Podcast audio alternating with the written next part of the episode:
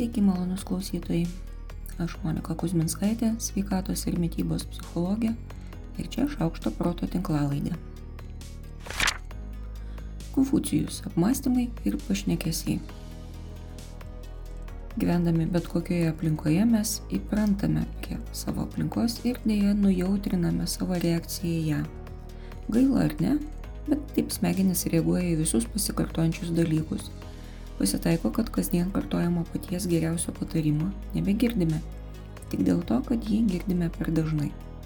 O kitokiais žodžiais pasakytas lygiai tas pats patarimas taiga pataiko tiesiai į dešimtuką, tik dėl to, kad jis pasakytas kitaip. Na, matyt, lygiai taip pat yra ir su mokymais, kaip gyventi laimingą ir prasmingą gyvenimą. Visos kultūros jau žinojo ir dabar žino, kaip pasiekti tokį gyvenimo būdą. Greičiausiai to jūs mokė netgi jūsų tėvai ir seneliai Net knygose apie pukuotuką knipžda tokios išminties. Bet kol neperskaitėte kitos kultūros raštų, kokie jie bebūtų, tai atrodo, kad to ir nežinojote. Na, štai siūlau pasitikrinti. Esu tikra, kad labai mažai kam iš mūsų senovės Kinijos gyvenimo sąlygos yra įprastos. Žodžiai ir savokas galbūt bus keisti, bet galbūt būtent tokia forma leis pamatyti tai, kas gali padėti išlipti iš dobės, pastumėti save geresnės būsenos link ar išsirinkti kryptį kryškelėje. Gero skaitimo. Konfucijus, apmąstymai ir pašnekesiai.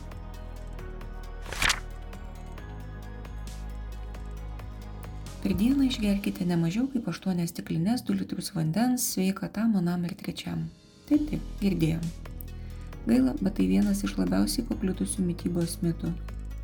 Tam, kad stumtelti link galvojimo savo galvą ir remtis labiau pagristais faktais, jums saują tiesių šviesių faktų. Žmogui vandens tikrai reikia.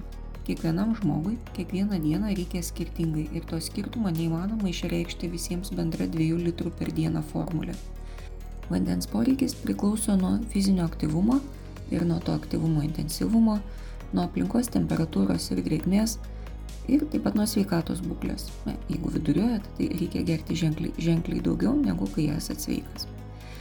Bet vanduo yra ne tik vanduo. Vandens sočiai yra ir maiste. Vaisiai yra beveik vien vanduo, o dar sriuba, ar tiesą sakant, bet kuris maisto produktas išskyrus iš tiesų sausus miltus ar panašiai. Dar Geriausias skystas gėrimas yra grynas vanduo. Visi taip vadinami gaivieji gėrimai atneš daugiau žalos su priedais ir cukrumi negu naudos su vandeniu. Vandens gana tada, kai nejaučia troškulio, o šlapimas yra bespalvis ar šviesiai gelsvas. Patikimas individualus būdas ir jokio kito neturėtų būti, kitaip paskėsit formulėje beskaičiuodami visas pirmame punkte įvardintas įtakas. Čia šiaip mano kuklė nuomonė be šaltinių. Su vandeniu galima mirtinai persistengti. Jei vandens gerima per daug, ypač jeigu tai darome staigiai, pavyzdžiui, po maratono, arba netaip akivaizdžiai, tiesiog geriant daug galaus, tai natrio jonų koncentracija kraujo serume staiga sumažėja. Natris gyvybiškai būtinas tinkamai nervų sistemos veiklai ir kai jo pasidaro per mažai, nervų sistema netenka savo pagrindinio aktoriaus. O be nervų sistemos žinia toli nenukaksi. Taip, todėl sportuojant reikia gerti vandenį su papildomu natriu ir alų todėl reikia lydėti su rysų užkandžiais, Na, bet dar geriau tiek daug galaus negerti iš vis. Nepadauginkit.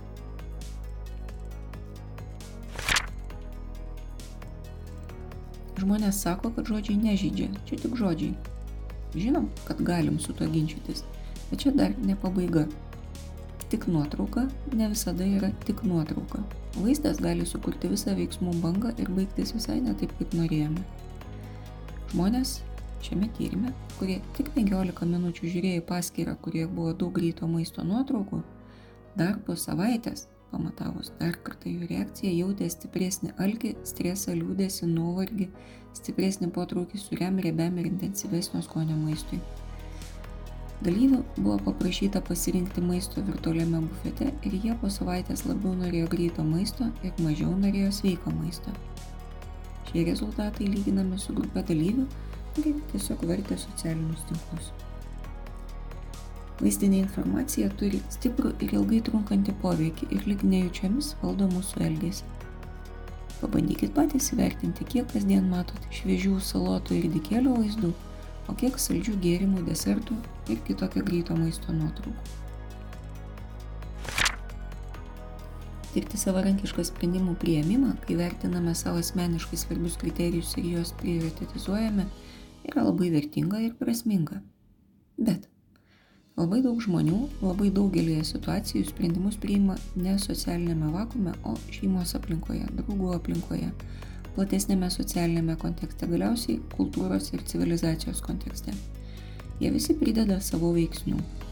Ir kuo artimesni ryšiai, na, pavyzdžiui, šeimoje, tuo stipresnis poreikis juos atsižvelgti, tuo labiau kelias iki sprendimo mažiau panašus nuo A iki B ir labiau panašus nuo A per B, C, D, E, F ir visus kitus iki Ž. Vienas iš pavyzdžių šiame tyrime. Šeimos aplinka, ryšiai ir nuostatos gali būti ir palaikantis, ir stabdantis veiksniai svarstant mėsos vartojimo mažinimo klausimą. Na, čia buvo vienas labai konkretus klausimas pasirinktas. Šeimos sutarimo palaikymas dažnai yra svarbesnis veiksnys negu asmeniniai siekiai. Geriau jau nekelti triukšmo, negu kad kažkam tai leisti labai išsikišti. Šeima gali padėti pokyčiui įvykti, jeigu pritarė jam, ir šeima gali priešintis pokyčiui, jeigu jam nepritarė. Šeimoje reiškiamų ir palaikomų pozicijų visuma irgi yra nulemta daugelio veiksnių, todėl labai sunku daryti apibendrinimus tinkančius visiems ir kiekvienam. Na, nebent galima pasakyti, jeigu veiksite kaip komanda, tikslą pasiekti bus lengviau, nes vienas kito palaikymas yra veiksmo testinumą užtikrinanti sąlyga. Yra kaip yra. Kaip jūsų asmeniniai sprendimai keičiasi, kai jie daromi veikiami jums artimų žmonių. Stalinkit komentarus. Socialinis kapitalas yra mūsų turimi ryšiai Kuo daugiau vertingų ryšių turime, tuo turime daugiau socialinio kapitalo. Ir čia žinoma svarbiau ne ryšių skaičius, o ryšių kokybė. Nors daug negilių ryšių irgi turi savo ypatingos vertės.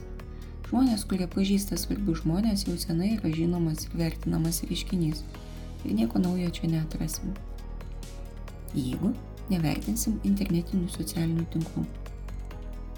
Didieji socialinių tinklų puslapiai neabejotinai daro stiprią įtaką ir leidžia tinklus plėsti gerokai toliau ir greičiau negu tik susitinkant gyvai. Be abejo, santykis yra kitoks ir šiukštų nesakau, kad blogesnis.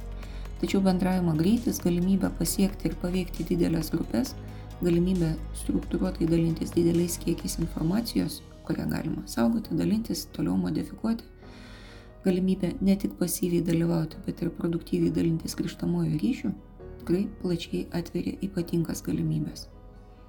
Pavyzdžiui, jeigu mano postus skaitote arba klausote ne pirmus metus, o gal ir komentuojate, tai mes jau turime ryšį. Nors ironiška prasilenkę gyvai galime net vienas kito nepažinti, bet tai turimo ryšio nepadaro netikru. Dažniausiai mes mastome žodžiais, trumpais kelių žodžių junginiais. Ir nelabai susimastome, kad ir kaip tai vyksta.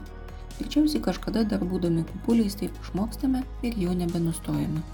Be jokios abejonės mastome ir vaizdais, ir garsais, arba galbūt įpiname juos į mąstymo procesą. Bet šiaip ar taip nuolat piname marką begalinę žodžių pagamintų vaizdais, kartais garsais ir kvapais į ne. Visas tas vidinis triukšmelis turi savo aidą, geriau mums žinoma kaip emocinė būsena.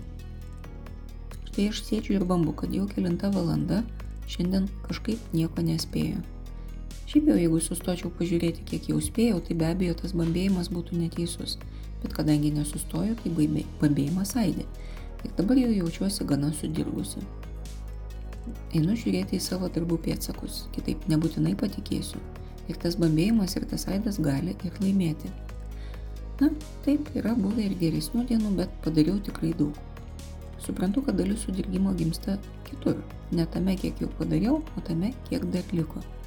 Jeigu tai, kas liko sudėliočiau į kalendorių, per dienas atrodytų jau visai neblogai. Kol tai daryčiau, vidinis monologas jau galėtų dainuoti kitą dainelę ir ji būtų gerokai pozityvesnė.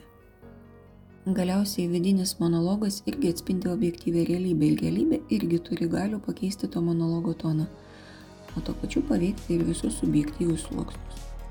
Ta proga siūlau ir jums pabandykit pastebėti, ką jums sako jūsų vidinis monologas, ar jis teisus, ar jis atitinka realybę, ar jis jums padeda ir ar nelaikas pabūti dirigentu ir paimti kitą toną šiai vidiniai simfonijai, tokį, koks iš tiesų padėtų. Na, o aš tuo tarpu einu niuniuoti. Aš galiu viską. Šiai savaitėjai tiek. Aš Monika Kuzminskaitė, sveikatos ir mytybos psichologė, padedu spręsti kasdienius ir sudėtingus elgesio, mąstymo ir emocijų klausimus. Prašau, skaitau paskaitas, teikiu psichologinės konsultacijas. Mane rasit socialiniuose tinkluose vardu Šaukštas Proto arba gyvai Vilniuje, Goštauto gatvėje. Rašykit man asmenę žinutę socialiniuose tinkluose arba elektroniniu paštu adresu šaukštas.proto.gmail.com. Taikos ir ramybės.